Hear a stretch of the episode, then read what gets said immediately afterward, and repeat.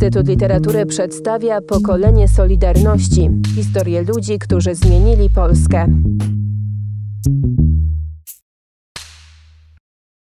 U nas w Starachowicach ulotki były cały czas. Wiemy, że to młodzi ludzie pisali na murach, pisali na ulicach.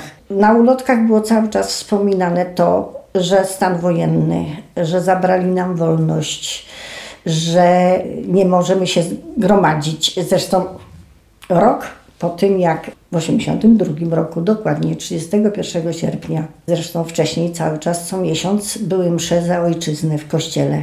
Najpierw były te msze za ojczyznę w kościele Świętej Trójcy, a potem były one organizowane u księdza Jędry, czyli w kościele Wszystkich Świętych.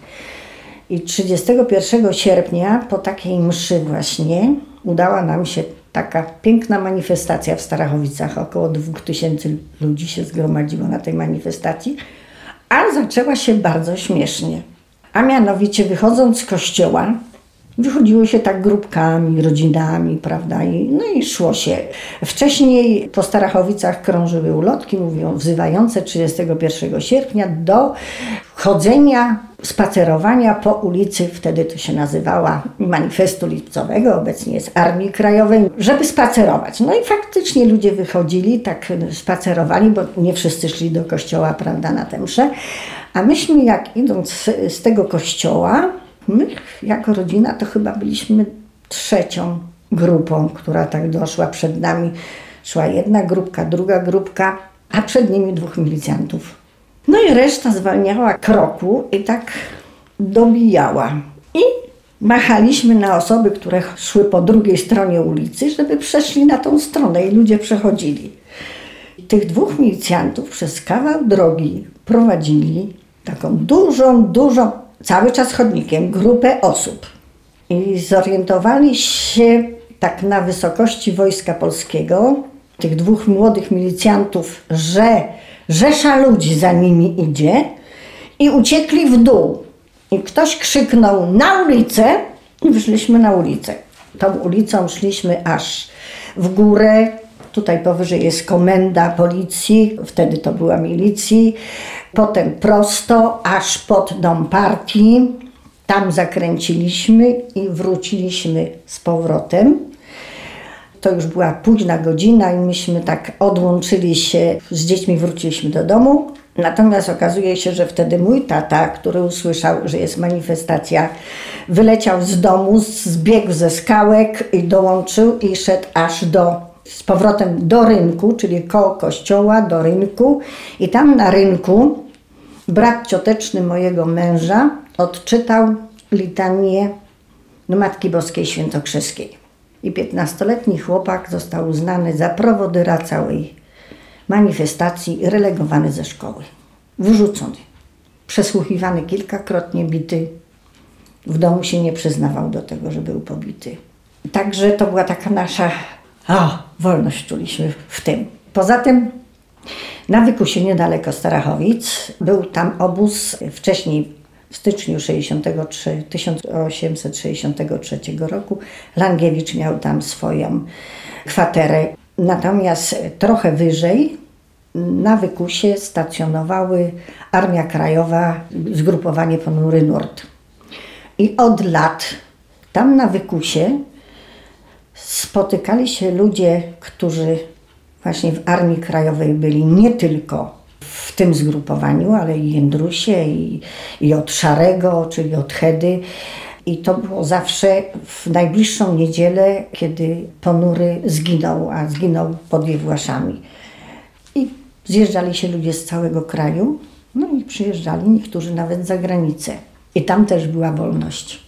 Tam też była wolność, pomimo SB-ków było pełno. Oj, jak oni nas obfotografowali, jak oni nagrywali, co się tam działo, to myśmy wiedzieli, którzy to są. No zresztą jak ktoś nie swój chodzi i cyka i, i, mikrofon wystaje, to przecież można było się zorientować, chociaż jak dzisiaj się pytamy i pytaliśmy się, to w IPN nie ma absolutnie śladów, ani tych zdjęć, ani tych nagrań jakichkolwiek. Także no, poniszczyli to wszystko. Poza tym no, niektórych się znało, Ja jadąc do pracy stawałam naprzeciwko komendy milicji, akurat z przystanku, także no jak oni chodzili codziennie o tej samej porze do pracy, to znaczy się, że w, nie w mundurkach, to znaczy się, że kim oni byli. Coś uzyskaliśmy, dużo. No, zmusiliśmy ich do tego, żeby rozmawiali. Z powrotem już się zaczęła tworzyć solidarność, chociaż u nas w Strachowicach, kiedy y, pierwsza komisja zakładowa powstała w fabryce samochodów ciężarowych, to koledzy, którzy ją zakładali, mieli kolegium pozakładane. I kolega na tym kolegium, kiedy w urzędzie miasta te kolegia się odbywały, kiedy na tym pani sędzina prowadząca to, to kolegium zarzucała mu a on mówi, że no zaraz mówi, ale zgodnie z konstytucją i z przepisami w Polsce Starachowice to nie Polska. Tak mu odpaliła. No jak wyszedł to z tego kolegium, to koledzy mu radzili, widzisz, trzeba było sobie paszport załatwić. Bo jak Starachowice to nie Polska, prawda? Dostali normalnie grzywny. Zresztą za tą manifestację niektórzy też dostali grzywny. I wtedy y, Kościół bardzo wspomógł te osoby i z Kościoła dostawali pieniądze na to, żeby te grzywny uiścić. No już nie mieli skąd pożyczać pieniędzy. Już y, widzieli, że sytuacja gospodarcza y, jest coraz gorsza, że wszystkiego jak brakowało, to coraz więcej brakuje. Przecież te kartki to wszystko to najpierw były na cukier, a potem to już były na wszystko. A tak było, że faktycznie tylko ocet to był, a resztę to trzeba było albo wystać, albo załatwić. Więc no, widzieli, że to już dalej nie ma jak ciągnąć.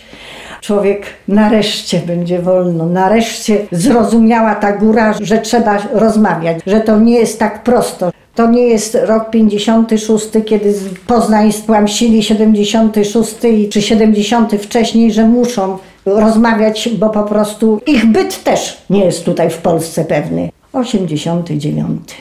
Zawiązany został nas Komitet Obywatelski. Kolega zaproponował mi, y, żebym y, zakładała to w Starachowicach i byłam członkiem założycielem w Starachowicach Komitetu Obywatelskiego. No bardzo ciężko pracowaliśmy y, jeżdżąc z tymi naszymi kandydatami na posłów i senatorów. Starachowice, okoliczne wsie, prawda, i cała ta praca znowu od początku tworzenia komisji zakładowych, tworzenia komisji, które będą pracowały potem przy wyborach. Wtedy na przykład no to samochodów było niewiele, to każdy co z samochodem to, to się liczył na wagę złota, bo przecież trzeba było pojechać, przywieźć plakaty, potem pojechać po wsiach, po, po miasteczkach, porozwozić, po, porozlepiać, to wszystko. Dzieci też brały w tym udział. No bo już wtedy były większe, prawda, to już tak jeździły do Kałkowa z nami, pamiętam, pojechali, kiedy tam w Kałkowie właśnie y, był taki wiec zorganizowany. Zresztą w domu było mówione, kto przychodzi do domu, to jest ciocia i wujek. Proszę w przedszkolu, w szkole nic nie mówić, bo jak zaczniecie paplać jęzorem, to tatuś albo mamusia pójdą siedzieć tak, jak siedział wujek Andrzej. No i koniec. Dzieci widziały doskonale, że na temat tego, co się dzieje w domu, kto przychodzi czy coś, to się nie rozmawia, nie mówi się gdzie indziej. Były pojedyncze osoby, które prawda, się spotykały, albo tak jak na przykład na pogrzeb Popiełuszki, to y, ze Starachowic dwie osoby zostały wydelegowane i pojechały, ale jeszcze zdążyły wrócić na mszę, która była zorganizowana w kościele na Majówce gdzie był poświęcony sztandar Komisji Zakładowej Solidarności Fabryki Samochodów Ciężarowych. Ja nie zyskałam. Nie zyskało wiele osób, które wtedy działały w Solidarności. Nie wdrapały się na urzędy, bo nawet jak pracowałam w Urzędzie Miasta, to mój mąż, no i można było powiedzieć, no kierownik referatu, no to, to ktoś już, prawda, to mój mąż był bezrobotny w tym czasie. Nie załatwiłam mu pracy, musiał sobie sam załatwić. Nie śmiałabym nawet pójść do prezydenta i powiedzieć mu, Grzesiek, słuchaj, załatw pracę Tadeuszowi. No nie śmiałabym, po prostu. No bo jak tak by można było? No musiał sobie sam znaleźć tą, tą pracę. Natomiast muszę powiedzieć jedną rzecz i to mocno podkreślić. Dziwię się bardzo się dziwię. Przecież to nie są osoby niewykształcone, tylko to są osoby wykształcone, które zajmują jakieś stanowiska, które za granicą Oni nie wiem, oni się, nie czują się Polakami, plują na tą Polskę. Ja uważam, że jeśli mamy się kłócić i spierać, to tu, w środku, ale za granicą podoba mi się bardzo i żałuję bardzo, że nie zrobiono tego, co zrobiono w Czechach. Że jednego dnia byłeś dyrektora, nikt cię z roboty nie wyrzucił, ale zostałeś zwykłym, normalnym pracownikiem. Momentalnie przerwane zostały wszystkie sieci, wią- powiązania i, i te wszystkie inne rzeczy. No przecież jeden żyje do dzisiaj, drugi, który działał w Solidarności. Wiedziałam, że w końcu, że to jest y, y, TW, tajny współpracownik. No ale co miałam chodzić i pluć na niego? No człowieku, no, no, no zeświniłeś się, sprzedawałeś swoich kolegów z Solidarności. Twoja sprawa, ty odpowiadać będziesz za to. A do dnia dzisiejszego wiemy o wszystkich? Przecież nie wiemy. U nas na Lubiance palili to, co wynosili tutaj z komendy wtedy milicji, a potem policji. Także nie wiadomo wszystkiego dokładnie, co i jak. Któż wiedział w 89 roku czy w dzień 90, że mm, w Banku Śląskim, bo wtedy to był Bank Śląski, można dostać nisko oprocentowaną, bardzo nisko oprocentowaną pożyczkę na to, żeby założyć swój interes. A kto pozakładał swoje interesy? No przecież osoby, które były na stanowiskach. A robotnik został nadal robotnikiem, to jest raz. A ci, którzy działali w Solidarności, to czasami to było tak, że nie mieli za co żyć po 89 roku. I jeśli bym miała jeszcze raz powrócić do tamtych lat, to na nowo bym zakładała tą Solidarność i na nowo bym działała w opozycji. Pokolenie Solidarności. Cykl podcastów przygotowanych przez Instytut Literatury w Krakowie.